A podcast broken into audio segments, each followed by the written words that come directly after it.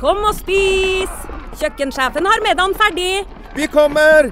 Vi skal bare Åh, det er da så morsomt her på Stiklestad! Ja, men sjøl en god viking må ha både mat og hvile. Og dessuten kan dere nå være noen dager. Velkommen til Scandic Stiklestad. Moderne fasiliteter i historiske omgivelser. Det var her det skjedde. Det er her det skjer.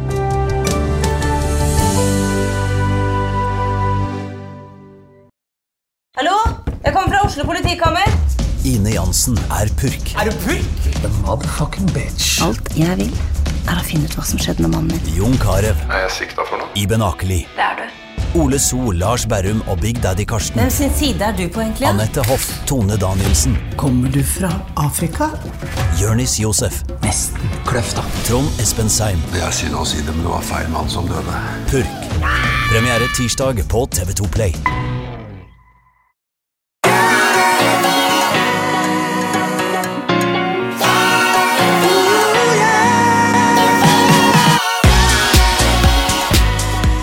Velkommen til podkasten Hjernesterk. Um, Ole Petter, nå er vi hos deg i Åsgardstrand, og det er veldig hyggelig å treffes uh, her. Og få reist litt på seg og sånne ting. Jeg føler at samfunnet er blitt mye mer mobilt sånn plutselig, på kort tid. Plutselig holder man foredrag igjen for, for forsamlinger og treffer folk, og det er liksom sånn Ja, er det sånn folk ser ut? Det er litt artig. Jeg vil tro at du også syns at det er litt sånn spennende, eller? Ja, veldig, veldig enig. Nå sitter vi jo fysisk på Universitetet i Sørøst-Norge, på kontoret mitt her, campus Bakkentaggen, hvor jeg jobber. Og dette lokalet her er jo gigasvært. Det er nesten 10 000 studenter her og til vanlig. Men uh, siste halvåret så har det vært helt som en sånn spøkelsesby. Jeg har vært innom noen ganger, uh, men det har jo nesten ikke vært noen folk. Og det er utrolig deilig. Jeg har begynt å holde forelesninger igjen hvor jeg ser studentene, kan snakke med dem i pausen. Sitter ikke bare og stirrer inn i en Zoom- eller Teams-møte. Så jeg tror det der er så viktig. altså Det å endelig få lov til å møtes igjen, det er så viktig for helsa vår. Både fysisk, men kanskje først og fremst mentalt.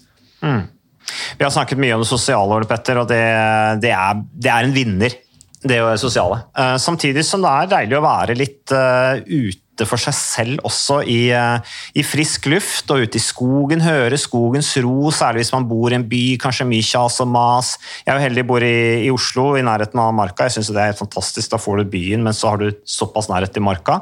Syns jeg er jo helt unikt med Oslo. Sånn er det sikkert mange andre steder i Norge også.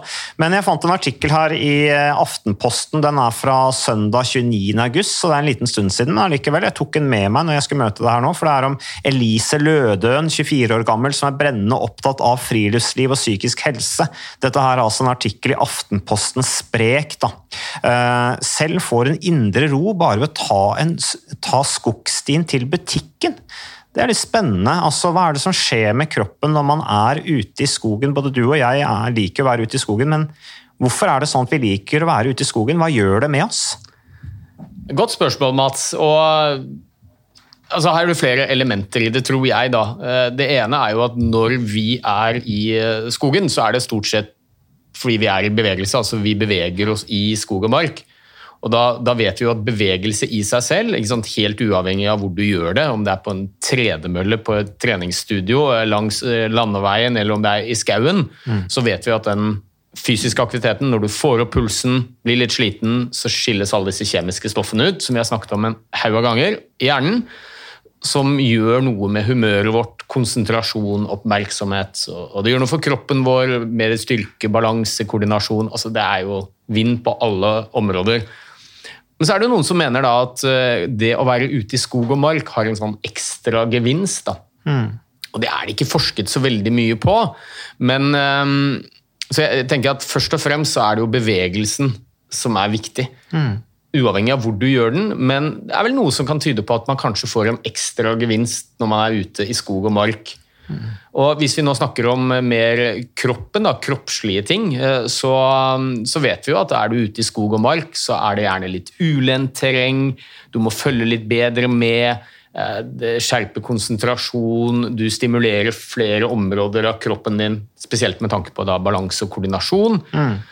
Og så tror man også at øhm, det er flere sanser som aktiveres i hjernen vår. Det er flere impulser som når hjernen vår når vi er ute i skog og mark. Det er alt fra lukter og lyder og ulendt terreng. Så det er flere områder av hjernen som blir aktivert eh, enn om du løper langs landeveien eller er inne på treningsstudio. Og, og at det i seg selv gir en ekstra gevinst. Men Ole Petter, tror du det kan ha noe med hva slags type du er som person? For jeg tenker at Vi er jo litt sånn forskjellige. Her er det jo snakk om at man blir stimulert når du kommer ut i skogen. Det gjør noe med at det demper stressnivået ditt. Du kanskje puster på en annen måte. Kanskje du er litt sånn nervøs. eh, Du er litt sånn stressa type, at du kommer ut, hører fuglekvitter, hører vannet som renner, hører vinden i trærne. At det får deg til å puste ut, at det på en måte gjør noe med deg, og at du kanskje bevisstgjøres i forhold til din egen kropp osv. At det blir en slags sånn, litt sånn eh, meditasjon da, å være ute. Jeg føler litt sånn selv når jeg er ute i skogen og jogger og sånne ting. Dette med pust, alt henger sammen. Men, men du kan vel til en viss grad også eh, altså Kona mi, for eksempel, blir veldig stimulert av å trene på treningssenteret. Hun blir på en måte da inspirert av folka rundt seg, miljøet. Eh, og du kan jo det, det kan jo ha samme gevinst, litt, kanskje litt avhengig av hva slags type du er. Ja, altså Helt åpenbart. Eh, Noen trives veldig godt med å være aleine i stillhet, og da er jo selvfølgelig en, kanskje en tur i skogen eh, et bedre alternativ for deg og vil gi deg en større helsegevinst enn en som er veldig opptatt av å kanskje være sosial og syns det er motiverende å være på et treningsstudio med andre som trener ved siden av seg osv. Så, videre. så jeg er litt sånn bekymret for å begynne å lage sånn klassifisering for hva slags type aktivitet som er best, for det er så utrolig individuelt. Men det vi vet helt sikkert, det er at bevegelse er bra. Ja. Og, og jeg tror mesteparten av gevinsten ligger der. Men så, så er det nok noen da som kanskje får en ekstra gevinst ved å være ute i skogen, nettopp fordi de trives med det. Og så er det et element til som du snakker mye om. De fleste av oss lever ganske sånn heseblesende liv med mye aktivitet, mye impulser hele tiden.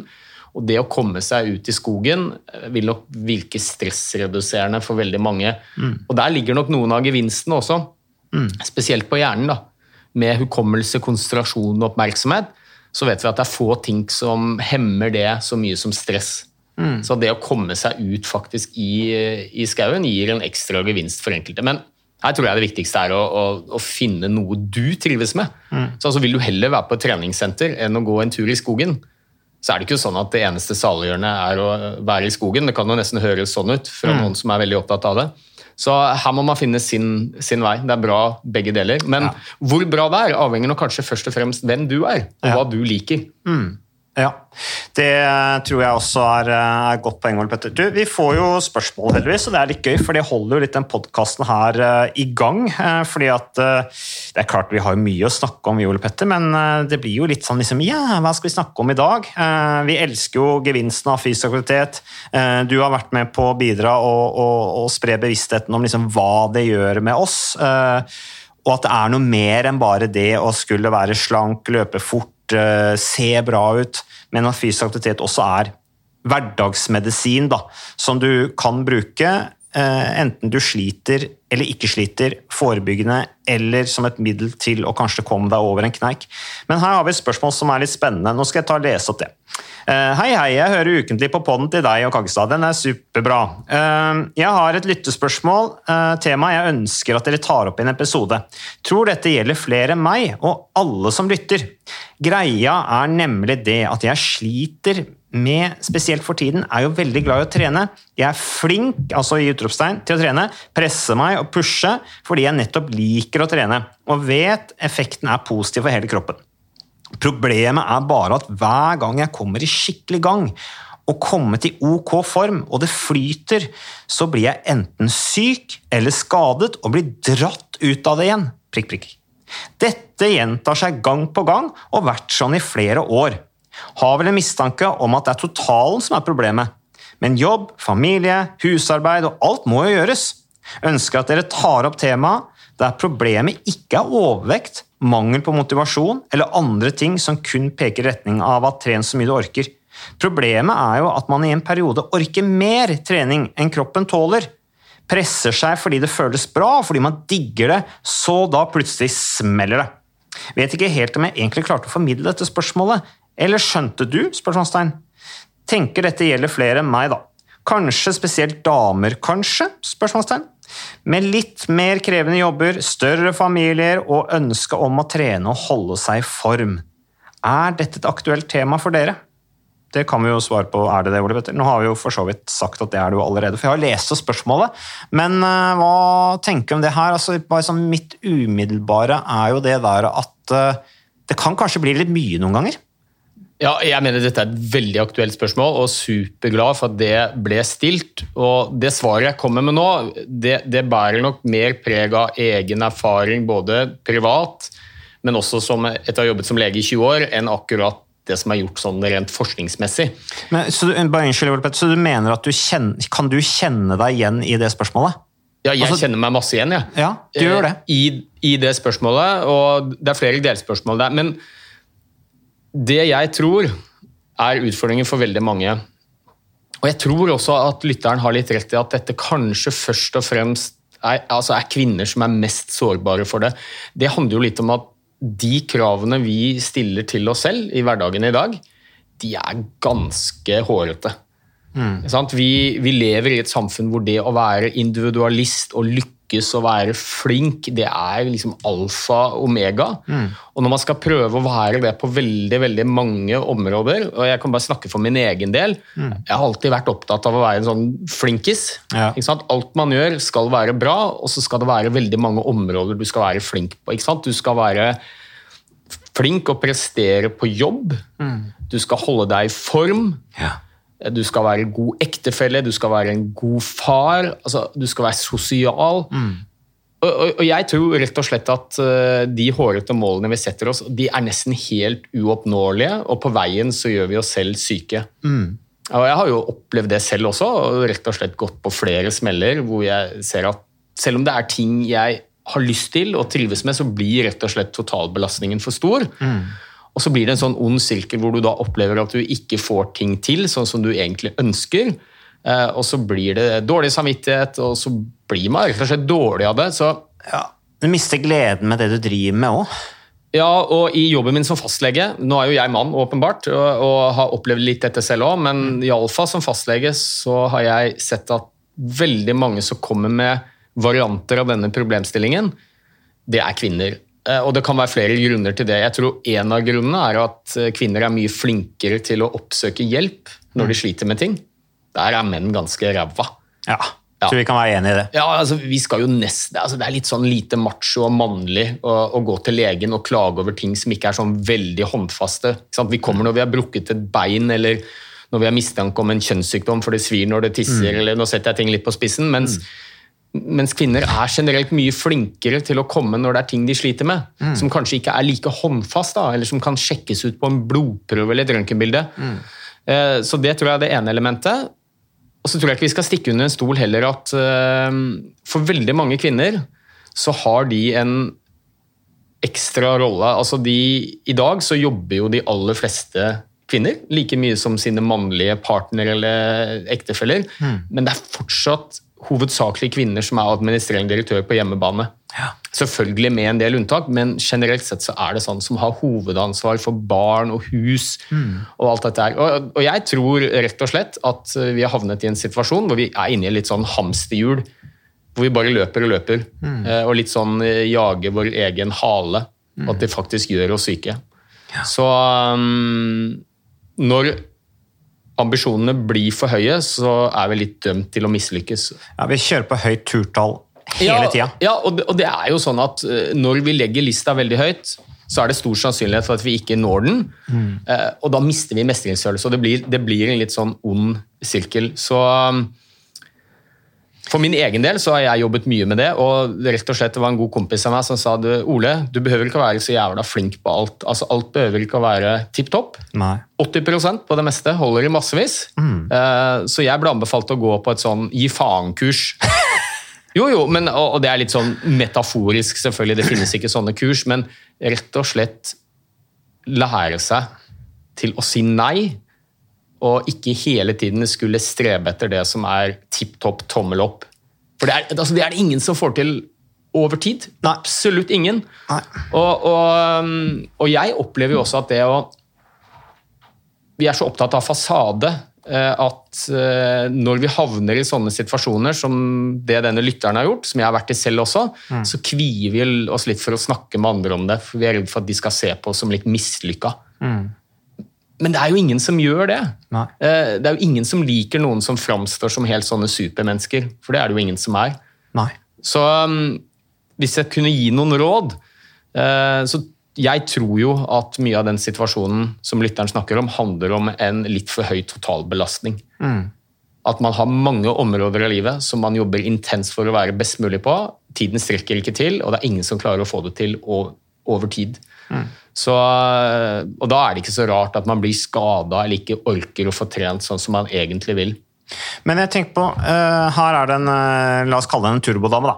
Flink dame, ikke sant? Gjør mye, mange jern i ilden, og hun liker å trene, å holde seg i form, er bevisst gevinsten av det. Og jeg har, jo, jeg har jo hatt kontakt med en del, det er jo fælt å si sånne damer da, for å sette det i en bås, men altså lignende, person, lignende historier med Ukas annonsør det er eh, HelloFresh. Og eh, hvis du nå går inn på hellofresh.no og bruker koden 'fresh hjerne', så kan du få opptil 1779 kroner rabatt på da de fem første matkassene dine hvis du ikke har prøvd HelloFresh enda. Og Ole Petter, vi er jo glad i HelloFresh i podkasten Hjernesterk, eh, selvfølgelig fordi at de er en annonsør. De er med og bidrar til å spre det glade ordet om fysisk aktivitet og god helse.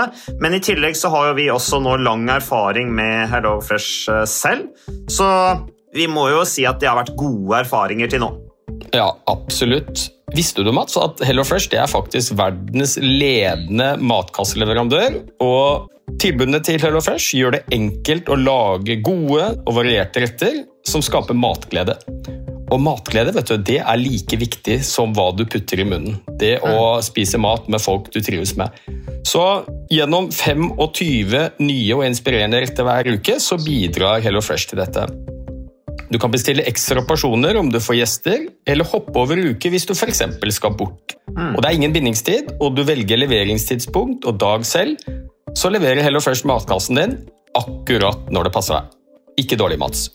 Nei, det er veldig bra. Så, øh, og dette er med enklere hverdag, det kan jeg nå skrive under på. For nå, forrige erfaring vi hadde forrige uke, Ole Petter, det syns jeg var Det var jo et gjennombrudd øh, for familien Kaggestad. For da lagde rett og slett barna De lagde middag og serverte middagen, så den var ferdig laget og servert da når eh, min kone Marita og meg kom hjem fra jobb. Og jeg mener, det var jo bare helt utrolig. Eh, Det var helt fantastisk. Det ble en nydelig middag. Riktignok, de, de, de, de roter og søler litt, det gjør de. Så, men, men maten ble veldig god. De var veldig stolte over å kunne å ha både laget og servert maten, så det var helt fantastisk. Så vi har jo da i det siste så har vi eh, spist eh, bl.a. sitron- og dillstekt hyse med ovnsbakte grønnsaker og aioli. Eh, Vi har spist middelhavsinspirert kylling. Taco, så finnes det mange ulike typer taco. F.eks. vietnamesisk taco, som vi har spist. Thailandsk vegetargryte. Veldig riktig og sunt eh, i dagens eh, samfunn med, med fokus på bærekraft. Hvitløk og chilistekte reker i spagetti, det var definitivt en vinner. Så det er så flott. Du får rimelig mat ved at du kun betaler for det du trenger, så det blir ordentlig feststemning med Hello Fresh. Det gjør det, og nå er det bare for deg å gå inn på hellofresh.no og bruk koden FRESH hjerne. Da får du opptil 1779 kroner rabatt på de første fem matkassene dine, hvis du ikke allerede har prøvd HelloFresh. Du kan også bruke rabattkoden hvis du har stoppet abonnementet ditt for tolv måneder siden eller mer. Er det noe å lure på? Håper maten smaker godt. Bon appétit! Eh, Med, det er særlig damer eh, som, som også sier at de trener og trener, men de, de på en måte får ikke noe ut av det. Eh, og da spør jeg de jo litt om totalbelastning og sånne ting, og det, det, de ligner veldig på det spørsmålet her. Eh, og det som jeg da svarer, da, det er at nå tror jeg ikke du skal prøve å prestere på trening, men du skal bruke treninga eller fysisk aktiviteten, mosjonen Mosjonen er bedre ord i den sammenheng her, synes jeg. For du skal ikke, da, da skal du ikke trene til noe. Du skal ikke perfeksjonere noe. Da skal du bruke treninga, eh, da gjort om til mosjon, som adspredelse for å koble av, for å puste ut, for å slippe opp. Ikke gjøre for mye, ikke følge noe program. Legge fra deg pulsklokka. Ikke stresse med intensitet. Altså Bare gå ut og føle på hvordan du føler deg. Jogge litt, gå litt. Ikke ta den faste ruten, ikke se på klokka. altså Fortsette med fysisk aktivitet, men bruke det for å stresse ned. Mm. Ja da, og Mine tips når jeg eh, får spørsmål om dette, f.eks. fra pasienter, det er jo kanskje noe av det aller første man bør gjøre, er av og til å ta en liten sånn intern vareopptelling på sitt eget liv. Hvordan har jeg det nå? Altså, Er det sånn jeg ønsker å ha det med alle de tingene man driver med? Mm. Og, og rett og slett se om det er noe man kan kutte ut. Om ikke man kutter ut aktiviteten, så iallfall kutte kanskje noe ned på ambisjonsnivået. Mm. Og det er jo noe av det du snakker om. Men for mange så er dette vanskelig. Det sitter litt i ryggmargen, og det kan være mange årsaker. Det kan være oppvekst, det kan være miljøet man er i. Så, og jeg tror dette er mye vanligere enn det vi tror. Og det er mange menn også. Mm. Jeg tror kanskje den viktigste grunnen til at vi hører mindre om det når det gjelder menn, er at de er ikke så flinke til å be om hjelp. Og så tror jeg for mange at det hjelper å få noen å snakke med. Mm. Og kanskje, uten at jeg nå sier her, her er det en, en, som er syk, men jeg har mange som har fått hjelp eh, rett og slett av å gå til psykolog. Mm. Og da er det mange som i utgangspunktet får liksom piggen ut og tenker ja, men sier du at jeg er mentalt syk? Nei, jeg sier ikke det i det hele tatt. Jeg sier at du er helt normal, men det som er diagnosen din, det er livet. Mm. Altså Rett og slett at livet er blitt for hektisk. Mm. Og mange trenger litt hjelp. De trenger noen verktøy. Og det er ikke sånn at vi går til psykolog når det brenner på dass, eller sånn burde det ikke være. Vi burde heller, Veldig mange hadde nytte av å gå til en psykolog mm. for å få noen å snakke med, få noen verktøy før det smeller. Ja, eller være sammen med venner og snakke åpent med vennene sine. Snakke åpent med sin ektefelle. Det er jo også et godt tips hvis ikke du hvis du syns det blir litt for mye tiltak å gå til psykolog, f.eks.? Ja da, for, for, all del. Og jeg bare nevner noen alternativer her. For mm. mye av det som jeg tror kan være grunnen til at mange havner i en sånn situasjon, det er jo liksom dyptpløyende handlingsmønstre som vi har hatt uh, gjennom store deler av livet vårt. ikke sant? Som mm. kan ha uh, grunnlag fra barndom, oppvekst osv. Men kanskje spesielt kvinner som er så opptatt av å please alle andre at man glemmer litt seg selv opp, oppi det hele. Og Da kan det for noen være et nyttig verktøy. Få noen å prate med, gjerne en profesjonell. Lære seg til å utvikle det evnen til å sette litt grenser mm. for hva som er greit for meg, hva som ikke er greit for meg. Eh, så um, det var litt sånn generelt svar, da. Men jeg synes jo, Ole Petter, vi, vi, jeg tror vel folk flest har, alle har jo sine greier. ikke sant? Sånn er det. Enten det er smådiagnoser av ditt og datt som vi egentlig kan leve helt greit med. Eh, eller vi har det jo egentlig ganske bra, men vi har noe ganske stort lån og ditt og datt. og Vi har det jo egentlig ganske bra, men det er bare noe med at vi ikke skal stresse så innmari med det òg. Altså, liksom, mange stresser kanskje litt for mye med å skulle ha det så sinnssykt bra. da.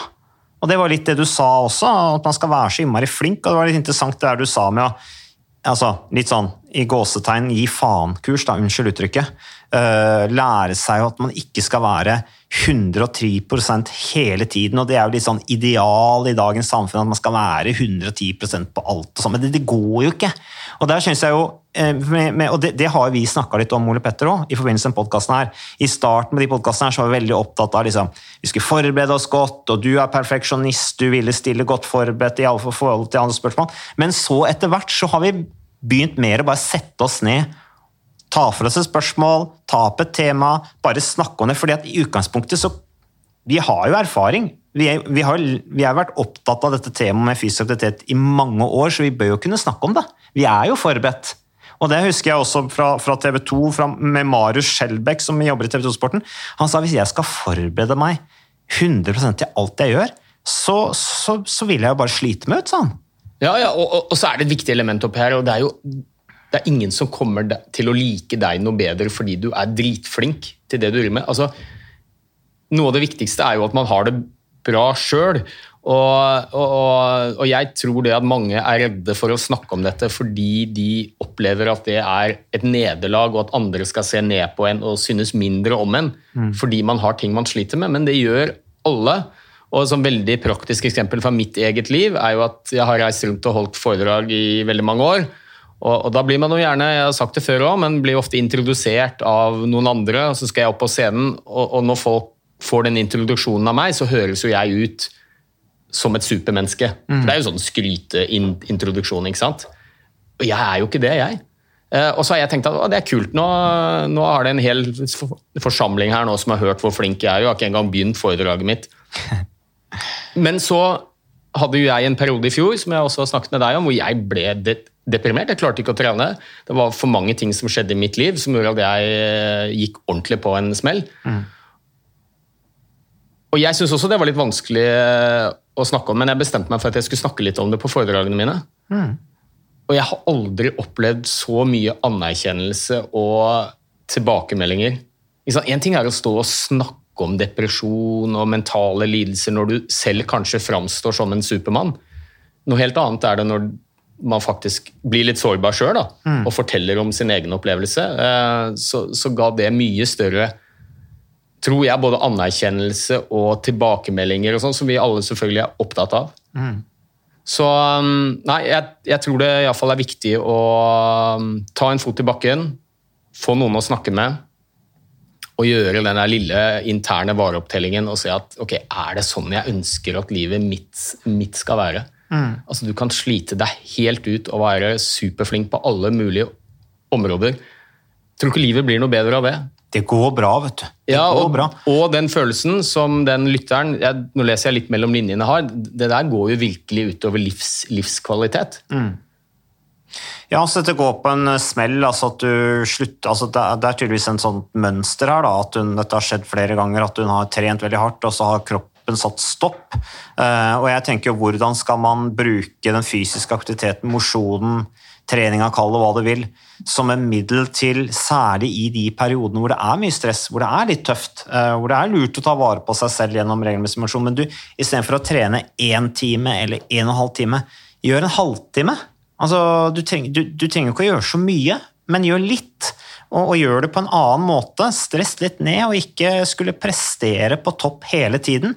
Bruk mosjonen for å ta vare på helsa di og den mentale gevinsten det gjør. Da må du stresse ned. Det er det fysisk aktivitet er til for, etter min mening. i hvert fall. Ja, og så vil jeg jo si at Hvis fysisk aktivitet er en veldig viktig del av livet ditt, men man nå, som lytteren eh, sier, da, opplever at man får det ikke helt til, for man blir skada, man orker ikke, så er jo litt den brutale sannhet også at hvis du ønsker å prioritere fysisk aktivitet, det er viktig for deg, så må du kanskje kutte bort noe annet. Du må gjøre litt mindre av noe annet for å orke å ha tid også til det som er viktig for deg. Så da, da kommer vi igjen litt tilbake til den Prøv å lage den lille interne vareopptellingen. Sånn, hva er det som er viktig for meg? Hva er det jeg gjennom mange år vet gjør at jeg har det bra? Skriv de tingene ned. Ja.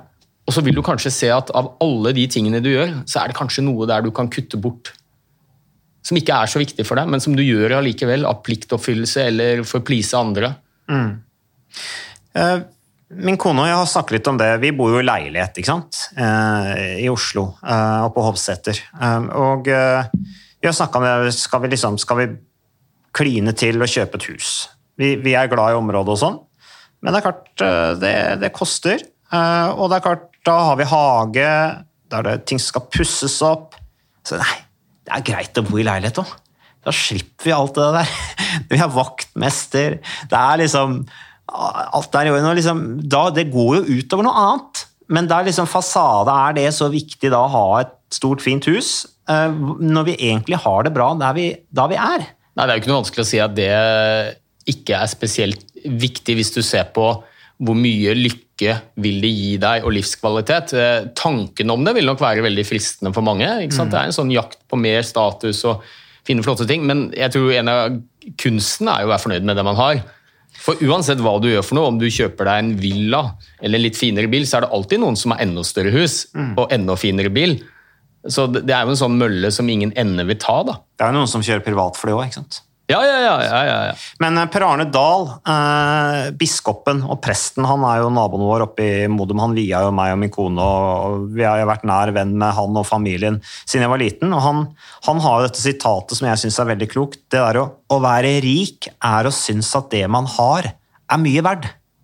Det syns jeg er et fantastisk godt uh, sitat. da. Um, som jeg også forteller barna mine, for nå er de i en sånn alder hvor liksom det begynner å bli snakk om penger, de begynner å se på superstjerner på, på TV og video og bling-bling og alt dette her og fine biler.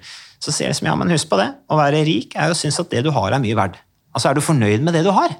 Ja, vil du liksom er, Det er tross alt det viktigste. Ja da, og eh, I dagens samfunn så er det jo mye jakt selvfølgelig på penger, rikdom, og, og, um, og det er jo litt interessant, for dette er det forsket på også.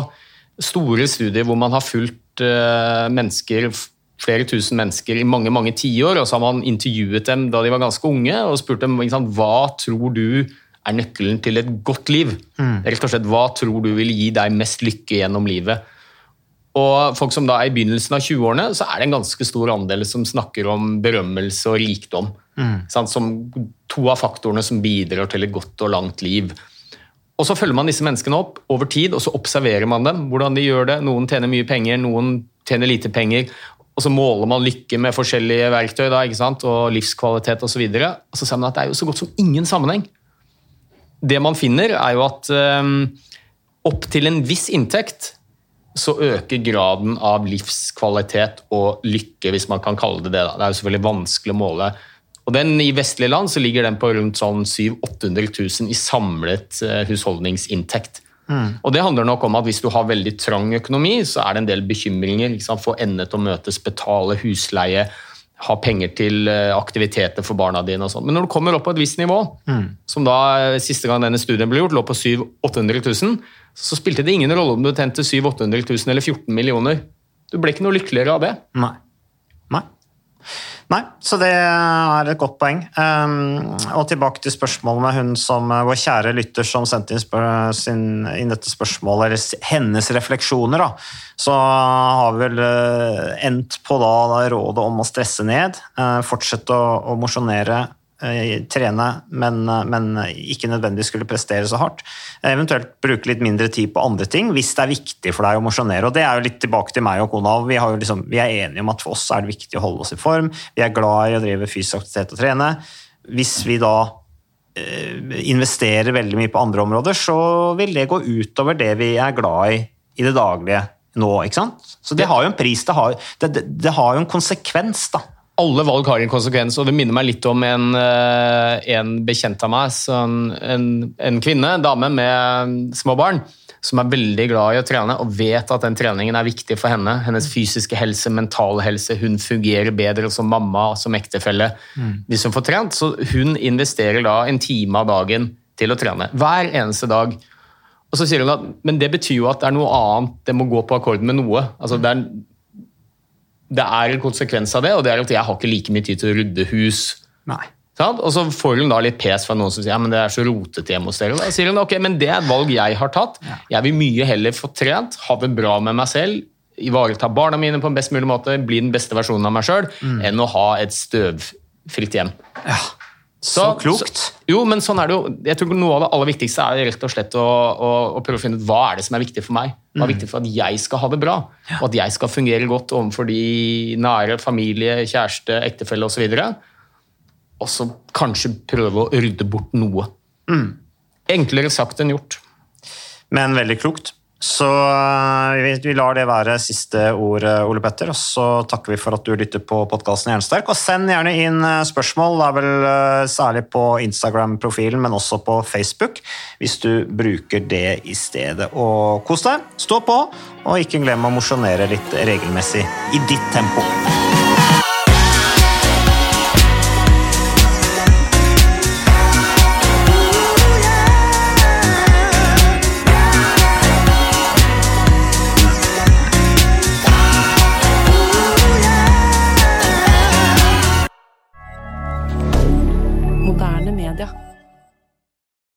Har du et enkeltpersonforetak eller en liten bedrift? Da er du sikkert lei av å høre meg snakke om hvor enkelt det er med kvitteringer og bilag i fiken, så vi eh, gir oss her, vi. Fordi vi liker enkelt. Fiken superenkelt regnskap.